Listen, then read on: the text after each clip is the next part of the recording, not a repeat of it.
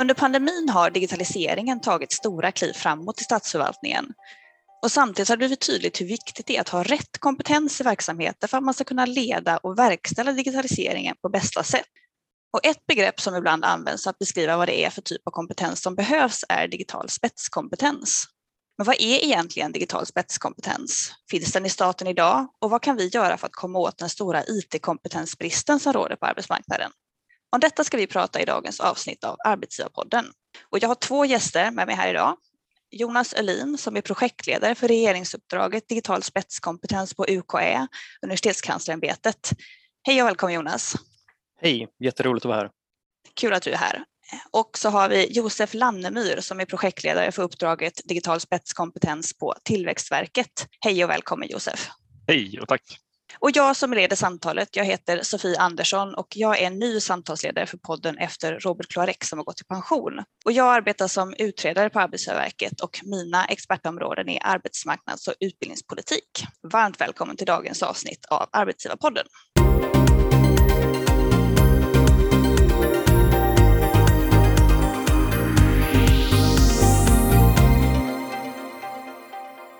Regeringen har ju satt som mål att Sverige ska bli bäst i världen på att använda digitaliseringens möjligheter. Men för att vi ska kunna göra det så krävs det att vi har tillgång till rätt kompetens. Eh, och det här är faktiskt en ganska stor utmaning på arbetsmarknaden idag. Det behövs helt enkelt mer digital spetskompetens.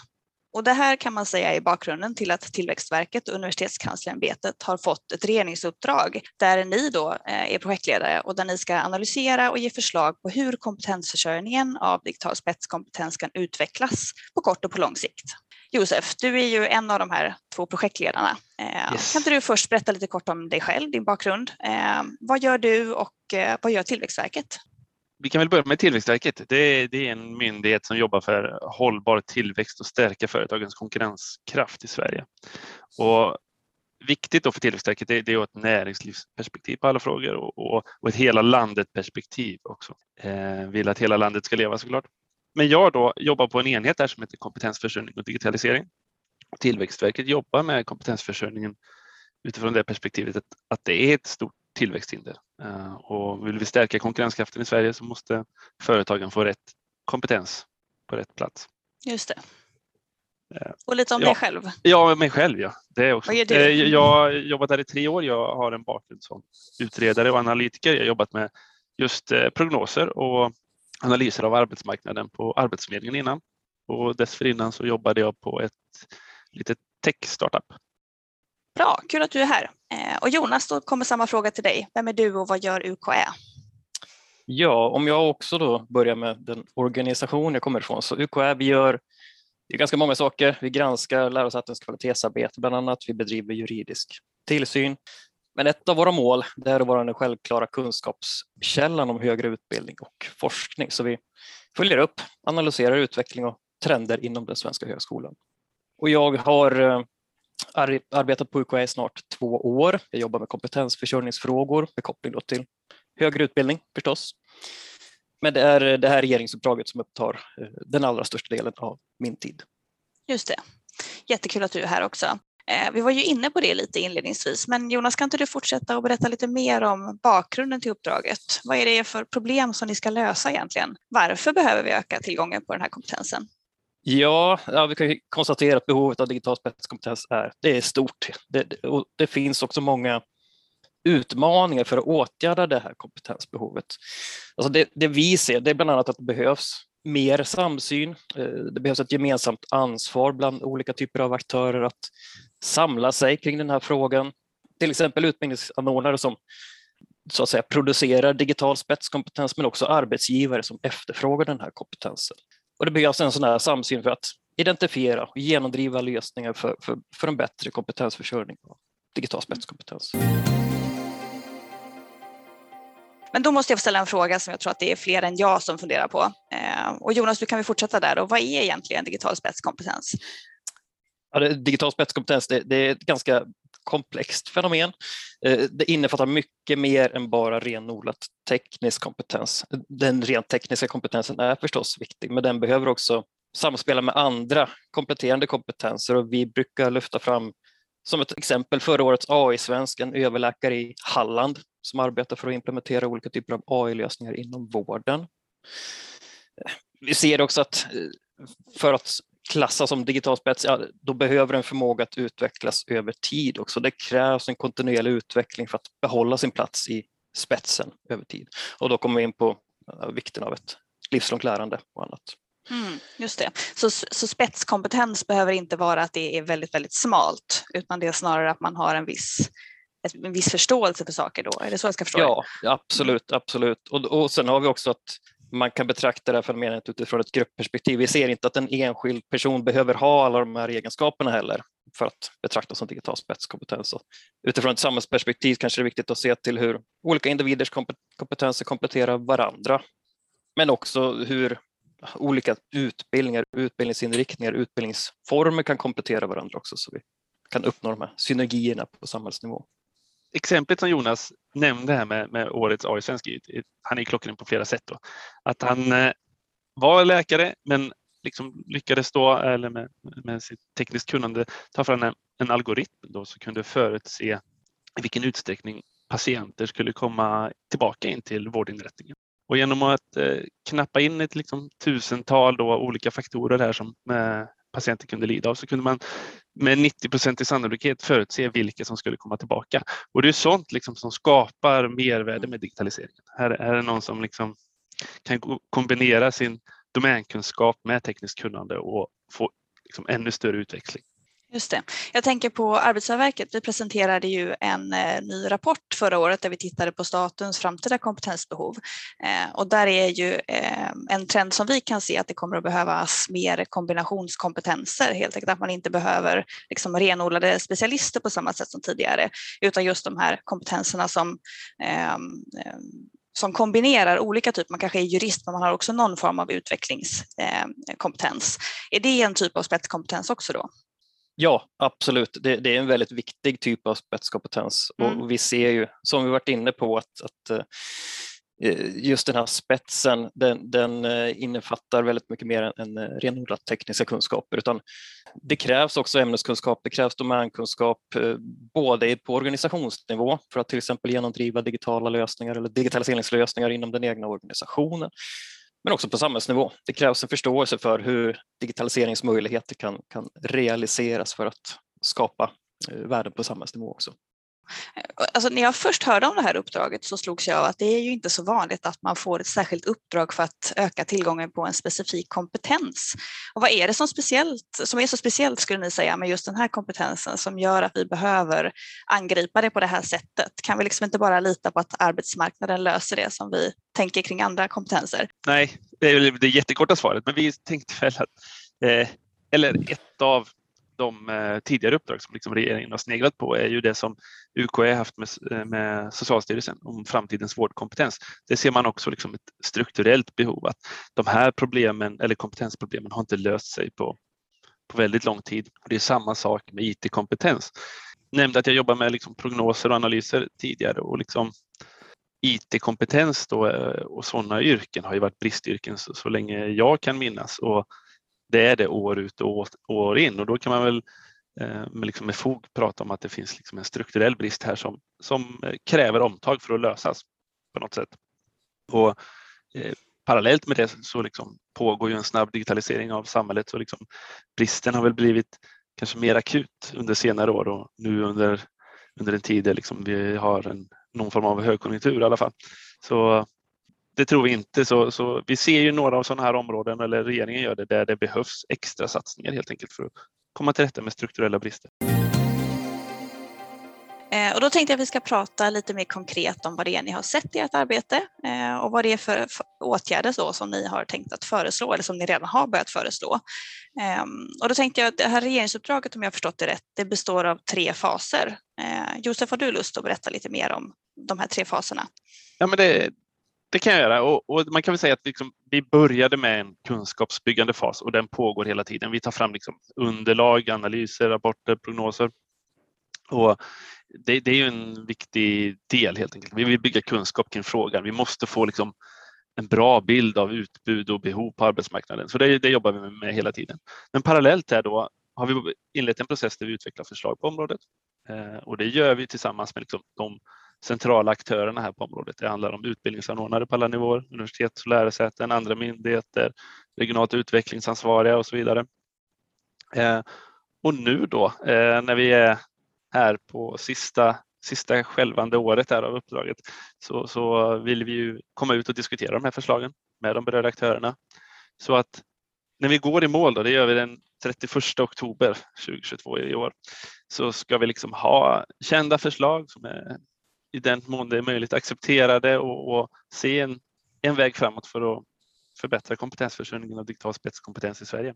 Det är ju vårt mål med det här året. Jag förstår. Kan ni säga någonting om hur det ser ut i staten idag? Eh, finns den här kompetensen inom myndigheterna? Jonas, vad säger du? Ja, nej men det får man väl absolut säga att det finns, men behovet är ändå stort både inom staten och i övriga delar av samhället. DIGG släppte ju en rapport här om året som pekar på att ökad användning av AV kan både stärka välfärd, skapa ekonomiska värden inom det handlar om hela den offentliga förvaltningen, men, men eh, om man tar det som helhet ändå så, så kommer man fram till en siffra på 140 miljarder årligen. Och för att realisera den här potentialen då behövs ju relevant kompetens. Och jag tycker du var inne på det Sofie, den rapporten som ni tog fram om, om kompetensutmaningen i staten, den speglar ganska mycket det vi inom regeringsuppdraget ser vad gäller problemflaskhalsar för kompetensförsörjning av digital spets. Bland annat det som ni lyfter fram att eh, IT eller tech går från att vara en slags stödfunktion till en, faktiskt en del av kärnverksamheten på många statliga myndigheter. Eh, du är inne på kombinationstjänster och ni lyfter även fram eh, det vi tycker är intressant också, även de här mjuka kompetenserna, soft skills, vikten av det, att förmåga att tänka strategiskt, kunna prioritera och så vidare.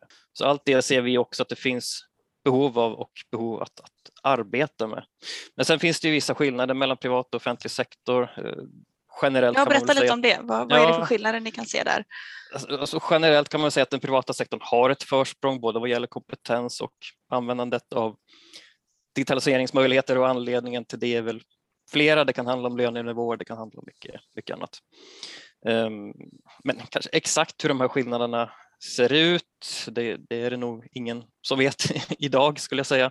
Det finns många undersökningar som, som antingen tittar på eh, offentlig sektor eller privat sektor, men vi, vi kommer inom uppdraget att göra ett försök att titta närmare på just skillnaden mellan offentlig och privat sektor också. Vi har gått ut med en enkätundersökning både till offentlig och privat sektor för att just belysa skillnaderna i behovet av digital spetskompetens. Så ja, men det får vi återkomma kring lägger fram. Du, du nämnde DIGG där Jonas. Jag, jag, tänker, är alla medvetna om vad DIGG är eller är det vi som är liksom miljöskadade här? Tänker Vi är jättebra att förtydliga. Gör du det?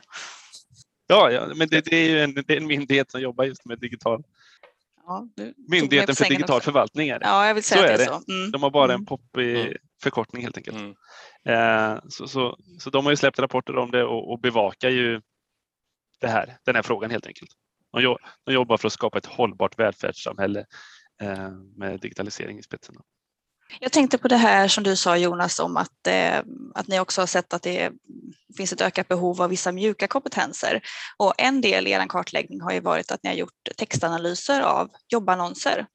Eh, vill ni berätta lite mer om det? Vad har ni sett där? Vad, vad kan man dra för slutsatser om kompetensbehovet? Ja, precis. Ja, men det här dataunderlaget, alltså jobbannonser, det gör det möjligt att, att titta på och analysera vissa saker som kanske är svårare att titta på med vanliga dataunderlag så att säga, som till exempel eh, SCBs olika registerdatabaser. Till exempel så kan vi genom att göra sån här textanalys av, av jobbannonser titta på arbetsgivares efterfrågan på kunskaper inom olika typer av programmeringsspråk eller mjukvaror eller annat och hur den här efterfrågan har utvecklats över tid också och vi kan titta på, på, hur det ser ut i olika sektorer, i olika regioner, inom olika yrken. Till exempel då hur efterfrågan på digital spetskompetens ser ut inom vårdsektorn exempelvis. Och vi har, vi har genomfört en analys och vi ser ju kanske inte helt förvånande att efterfrågan på digital kompetens den ökar bland eh, väldigt många olika yrkesgrupper. Och där, där ser vi att det handlar både om rent grundläggande kunskaper som att kunna Word-paketet, Excel eller Word, men också då mer fördjupade kunskaper som till exempel programmeringsspråk och ja, mindre vanliga mjukvarulösningar till exempel. Och, och vi tänker oss då att man ska använda den här liksom informationen som man kan få av miljoner eh, jobbannonser. Att liksom titta på vilka är de kompetensbehoven som finns på, på kort sikt. Eh, det är här och nu liksom behov som, som flaggas för i sådana här annonser. Så, eh, vi vill se liksom ett ökat användande och vi tror, eller vi vet att liksom många som jobbar med kortare utbildningar, till exempel inom yrkeshögskolan, använder sig idag av den här metoden men liksom i manuell form. Man sitter och kollar in liksom, platsannonser, vad efterfrågas. Men genom eh, digitaliseringens hjälp här då, så kan man liksom titta på, på väldigt stora datamängder och liksom få en mer samlad och strukturerad bild över behoven. Så det kan vara som en input till eh, att dimensionera utbildningar eller egentligen en input till överhuvudtaget utbildningsplanering då helt enkelt? Ja, precis. Ja. Och vi ser ju att man gör det i, utomlands men det är en uh, liten eftersatt sak i, i Sverige som vi liksom hoppas kunna utveckla som en del i det här projektet. Men vad är problemet då? Alltså är problemet eh, att, att vi inte lyckas rekrytera rätt kompetens eller är det utbildningsplatserna eller alltså finns kompetensen inte på arbetsmarknaden? Vad skulle ni säga är liksom, finns det någon flaskhals här? Alltså en, en flaskhals som vi eh, dök tidigt in i är ju könsfördelningen. Mm. Vi, vi i Sverige nyttjar ju bara liksom halva delen av befolkningen. Åtta av tio mjukvaru och systemutvecklare är män. Eh, så här finns liksom ett enormt strukturellt problem som vi har liksom vi har djupdykt i det, försökt titta på vad det kan bero på. Och det, det handlar ju om dels att fler kvinnor måste påbörja utbildningarna. Det är en väldigt liksom, skev könsfördelning redan där, även om det går åt rätt håll, ska tilläggas. Den trenden är positiv. Men sen så har vi också upptäckt i våra analyser att kvinnor med IT-utbildning lämnar sektorn oftare än män med IT-utbildning och liksom, de drivs bort från de här yrkena. Så det är också någonting och, och man måste jobba aktivt med liksom, och sen så, ja, så där, där har vi ju en, en stor flaska ska vi säga. Och det här så, att de lämnar, ja. förlåt, men det här ja, de lämnar då, har det med kulturen att göra? Eller jag tittade på en rapport från Allbright som kom för något år sedan ja. som, som just lyfter den här eh, lite trista kulturen inom vissa delar av techsektorn. Eh, är det det som är orsaken till att man lämnar eller har ni gjort någon analys av det? Ingen djupare analys. Vi har eh, liksom, eller en ganska djup analys får man säga ändå. Vi har intervjuat kvinnor som har lämnat techsektorn Eh, och försökt liksom grotta in oss i det. Och, och kulturen, absolut. Eh, och det, att den här skeva könsfördelningen finns ju från början, det, det spär ju på problemet. Samtidigt kommer det liksom larmrapporter under senaste året från exempelvis spelföretag som, som, som vittnar om en liksom unken och gammaldags kultur. Eh, och, och det här inser ju människor som går utbildningarna. Man får ju höra sånt. Alltså. Och, och, så det är ett det är ett branschproblem, helt klart. Och vad har ni för åtgärder här då? För, för den här delen av uppdraget har ni kommit med en del förslag kring, eller hur? Ja, vi har, vi har inga liksom skarpa förslag formulerade så. Vi har liksom pekat ut eh, problemet och eh, branschen är också medveten om det här. Man jobbar aktivt med sakerna. Man, man eh, dels kulturen som vi säger, men också liksom hur man kan jobba med lönekartläggningar, jämställda löner, förutsättningar för föräldraledighet och så vidare. Eh, man vill se ändringar här och, och till viss del så går det nog åt rätt håll skulle jag säga. Vad säger du Jonas? Vad, vad ser du som skarpa förslag här på området? Ja, nej men det, det handlar om åtgärder som, som går liksom från eh, egentligen antagning till utbildning till etablering på, på arbetsmarknaden. Det handlar om att ändra normer och föreställningar om, om vad det innebär att läsa en IT-utbildning, vad det innebär att arbeta inom IT-sektorn så att vi faktiskt får upp söktrycket. Det handlar om att skapa intressen, skapa relevanta erfarenheter. Eh, man, man, kan prata om goda förebilder på området som, som kan visa att det, det är inte orimligt att ha eh, arbetsplatser där det är 50-50 inom IT-sektorn. Sen eh, ja, det är klart det finns också diskriminering, bristande jämställdhetsarbete också som man inte ska sticka under stol att det, det finns också. Har ni några tankar kring utbildningssektorn? Då? Finns det någonting särskilt som man behöver kanske utveckla eller förändra där för att vi ska få bättre förutsättningar att, att få ut mer av den här kompetensen? Men man har, I vår studie så pekar man på liksom ganska lågt hängande frukt i utbildningssektorn. Det behöver inte vara någon stor omdaning. Det handlar mer om liksom att man till viss del, i alla fall inledningsvis, fokuserar på nyttan med IT och teknik. Alltså vad kan man kan åstadkomma med tekniken. Det är inte så att det ska liksom göras om i grunden utan med små medel, som har, att man tänker på det, att man har det mindsetet så har man kommit eh, ganska långt på flera håll. Har ni några förslag på åtgärder redan nu som ni kan berätta om? Jonas? Ja, nej men absolut. Vi har eh, ett gäng olika förslag. Dels så ser vi ett behov av ett fördjupat samarbete mellan olika aktörer, så där tänker vi oss att vi vill föreslå att ett samverkansråd eller samverkansforum inrättas för att samla de här aktörerna och, och säkerställa att utbudet speglar efterfrågan på digital spetskompetens. Och sen ser vi också behov av utvecklade statistik och prognosprodukter också. Där är vi igång med att utveckla just sådana produkter. Men sen har vi också en rad utbildnings och forskningssatsningar på området och ja, lite kortfattat så kan man säga att vi har ett förslagspaket inom olika delområden. Dels så handlar det om främjande av framstående forsknings och utbildningsmiljöer där vi vill stärka forsknings, eh, forskningsaktiviteter, utbildningsaktiviteter på området. Vi har också förslag på olika typer av reskilling eller omskolnings och vidareutbildningsinsatser. Och så har vi ett par förslagsområden som kretsar kring strukturförändringar, alltså lite mer övergripande spelregler för att främja kompetensförsörjning av digital spets. Bra, tack. Måste alla statliga verksamheter sträva efter att bli digitala? Då? Alltså, finns det fall när det inte är relevant med digital spetskompetens eller digitalisering? Ja, alltså det är väl inget egenvärde att vara helt digitala, eh, får vi säga. Eh, det finns ju också en ganska stor grupp människor som är liksom digitala analfabeter. De ska man inte glömma. Jag såg att mellan 20-åringar till 50-åringar, där har 99 procent ett bank-id. De flesta har ett mobilt bank-id också. Men tittar man på 80-plussarna så är det liksom under 40 procent som har ett bank-id. Hur klarar sig de idag? Ja, eh, jag vet inte. Det måste finnas liksom alternativ som inte är digitala. Eh, det tror jag är viktigt också. Men med det sagt så är det ju tvärtom egentligen. Det är alldeles för mycket som inte är digitalt. Vi skulle kunna liksom förbättra eh, mycket för medborgare genom att liksom digitalisera lite till. Jag skulle liksom boka en läkartid för min son häromdagen. Och lasarettet hade en telefontid mellan 8.30 och 9.30 varannan vardag eh, med kö då.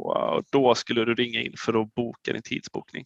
Senare samma kväll som jag hade bokat den här läkartiden så skulle jag spela paddel och då går du in i en app, eh, bokar en tid. Dina partners, då, fyra andra personer, får meddelande om när, var, kopplat till Swish så de alla kan betala och jämna ut den skulden. Efteråt kommer det statistik på hur det gick. Och så. Alltså, eh, bara en sån sak. Alltså. alltså där har vården en del att lära av paddelsporten. Kan jag säga. Det finns kanske en del potential på många ställen eh, att bli. Ja, det var att bara använda potentialen bättre. Det börjar bli dags att runda av vårt samtal, men innan vi gör det så är jag lite nyfiken på ja, men eh, Josef, Tillväxtverket, hur digitala är ni? Vi har tagit stora steg framåt under pandemin skulle jag säga. Eh, dels har det här arbetssättet att jobba digitalt blivit eh, normalt. Eh, det var till viss del innan också i och för sig eftersom vi finns över hela landet, men det vi har blivit mycket bättre på det. Eh, det har också då på grund av pandemin ska jag säga utvecklats en hel del digitala verktyg på Tillväxtverket, digitala assistenter. För Tillväxtverket har expanderat väldigt mycket genom att man har ansvarat för det här korttidsstödet när, när företag och har permitterat personal.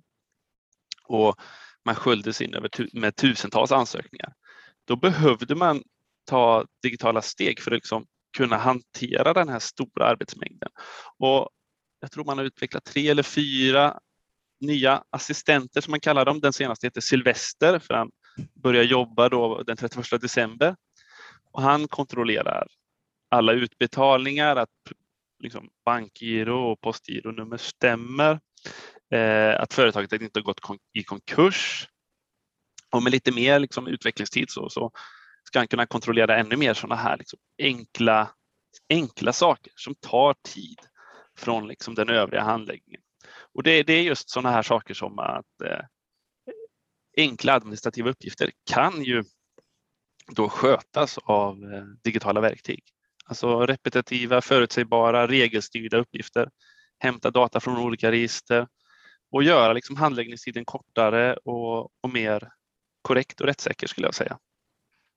Bra Eh. konkreta exempel både på liksom hur ni har blivit mer digitala internt i era arbetssätt men också gentemot den som möter er som myndighet. Då. Ja, visst, det har kortat handläggningstiden och nu finns det ju team på plats och, så de söker idéer från fler personer på Tillväxtverket. Vad är nästa sak vi skulle kunna liksom automatisera bort? Vad har ni för uppgifter som, som är liksom verkligen rutinbaserade och kanske tråkiga som, som någon skulle kunna lösa digitalt åt er på natten? Mm. Just det. Det är ju många arbetsgivarrepresentanter som lyssnar på den här podden. Eh, Har ni några tips till dem? Hur ska de tänka för att främja den här kompetensen i, i sina verksamheter? Jonas, vad säger du? Ja, man kan ju börja över och fundera lite grann på vilka behov man faktiskt har och att inse att det finns inget egenvärde med att ha ett massa digitalt spetskompetenta individer vid en arbetsplats om de inte uppfyller ett behov. Så det är liksom behovet som måste gå först här. Och sen handlar det också om att undvika silos, så till så att den här digitala kompetensen inte samlas i en bunker någonstans. Att, att, och också vidga synen på IT, som, vi- lite som vi varit inne på, att IT handlar inte bara om eh, supportfunktioner nu för tiden, utan det handlar om så mycket mer. Och sen ska man väl vara öppen för att experimentera lite grann också. Den digitala utvecklingen går ju fort och det kan vara svårt att veta hur det digitala landskapet, åtminstone inom vissa fält, kommer se ut om, om säg fem år. Så, så att vara lite eh, experimentlysten tror jag, tror jag kan vara en fördel. Här. Just det. Men för det är ju lätt att tänka att, eh, att det handlar bara om att rekrytera in nya personer när man tänker på kompetensförsörjning. Men det du är inne på är egentligen någon form av liksom livslångt lärande, något sånt tänk. Eh, Ja, ja, men absolut. Och också se till hur den här kompetensen kan komplettera annan kompetens inom organisationen på olika sätt. Josef, ville du lägga till någonting? Ja, men det är ju värt att betona det här liksom att arbeta inte i silos. För på myndigheterna och alla arbetsgivare här ute så sitter det så himla många experter som är jätteduktiga på sitt sakområde. De skulle nog i många fall kunna behöva lite mer IT-kunskap och de som sitter med IT-utveckling skulle kunna behöva lite mer sakkunskap om, om liksom den ordinarie verksamheten. Och på så sätt så tror jag att man skulle kunna liksom uppnå synergieffekter och nå nya höjder och, och bli eh, bli en bättre inrättning, inrättning som liksom tjänar staten och medborgarna bättre. Alltså det är ju lätt att det känns lite hopplöst när man tittar på bristen på arbetsmarknaden. Jag tycker det i alla fall. Jag såg en rapport från IT och telekomföretagen där de pratar om att det saknas liksom 70 000 personer eh, på arbetsmarknaden. Är det hopplöst? Tycker ni det? Vad säger du Josef? Nej, nej det, det tycker jag inte. Alltså, det här är frågor man kan eh, jobba aktivt med och, och 70 000, det låter mycket men det, det handlar inte om att 70 000 nya personer ska bli civilingenjörer här utan vi föreslår ju eh, liksom ett, ett hel palett av utbildningar här, alltså att man ska kunna gå korta utbildningar, kanske några veckor för att liksom komplettera sin domänkunskap och på så sätt så kan vi nog ta stora steg framåt. Vad skulle vara ett drömscenario för er då när ni slutrapporterar det här? Har ni något sånt? Har ni ett mål liksom, som det här vore ju kanon om vi kunde verkställa direkt? Jonas, vill du svara på det? Absolut, och vi- har ju en formulering i digitaliseringsstrategin om att vi ska vara bäst i världen på att använda digitaliseringens möjligheter. Så vi, om vi vid uppdragets slut blir bäst i världen på kompetensförsörjning och digital spetskompetens så skulle jag vara glad. Vi siktar på att bli Josef. bäst helt Ja. enkelt Bäst. Jonas. Precis. Bra Ja, men vi- mål. Ja, men vi, det är ingen he- liksom, hemlighet att vi liksom, tror att det behövs stora satsningar på området. Eh, när vi gör våra omvärldsanalyser så ser vi att det sker runt om i vår omvärld. Det är ju inget skäl i sig, men, men en satsning på liksom, digitalisering skulle kunna, kunna göra att Sverige tar steg framåt, helt klart. Och, och förbättra förutsättningarna för både innovation och tillväxt i Sverige på sikt. Ja, nej men jag, jag, jag vill flika in där återigen att digital spetskompetens är viktigt, men det är inte det som är slutmålet, utan slutmålet är ju de möjligheter som skapas av all den här kompetensen, som till exempel mer innovation och tillväxt som Josef var inne på, eller förbättrad välfärd eller, eller vad man nu strävar efter. Låter som en jättebra avrundning av det här samtalet här idag. Vi har ju pratat om digital spetskompetens, eh, vad det är och hur vi kan främja tillgången på den. Eh, och jag har lärt mig att spetskompetens inte måste vara samma sak som superspecialisering. Stort tack till er Josef och Jonas för att ni ville vara med här idag och dela med er av er kunskap. Innan jag släpper iväg er så vill jag bara ställa en sista fråga. Eh, och vi börjar med dig Jonas. Vad vill du att de som lyssnar tar med sig från vårt samtal? Om du får välja en sak. Vad ska de komma ihåg?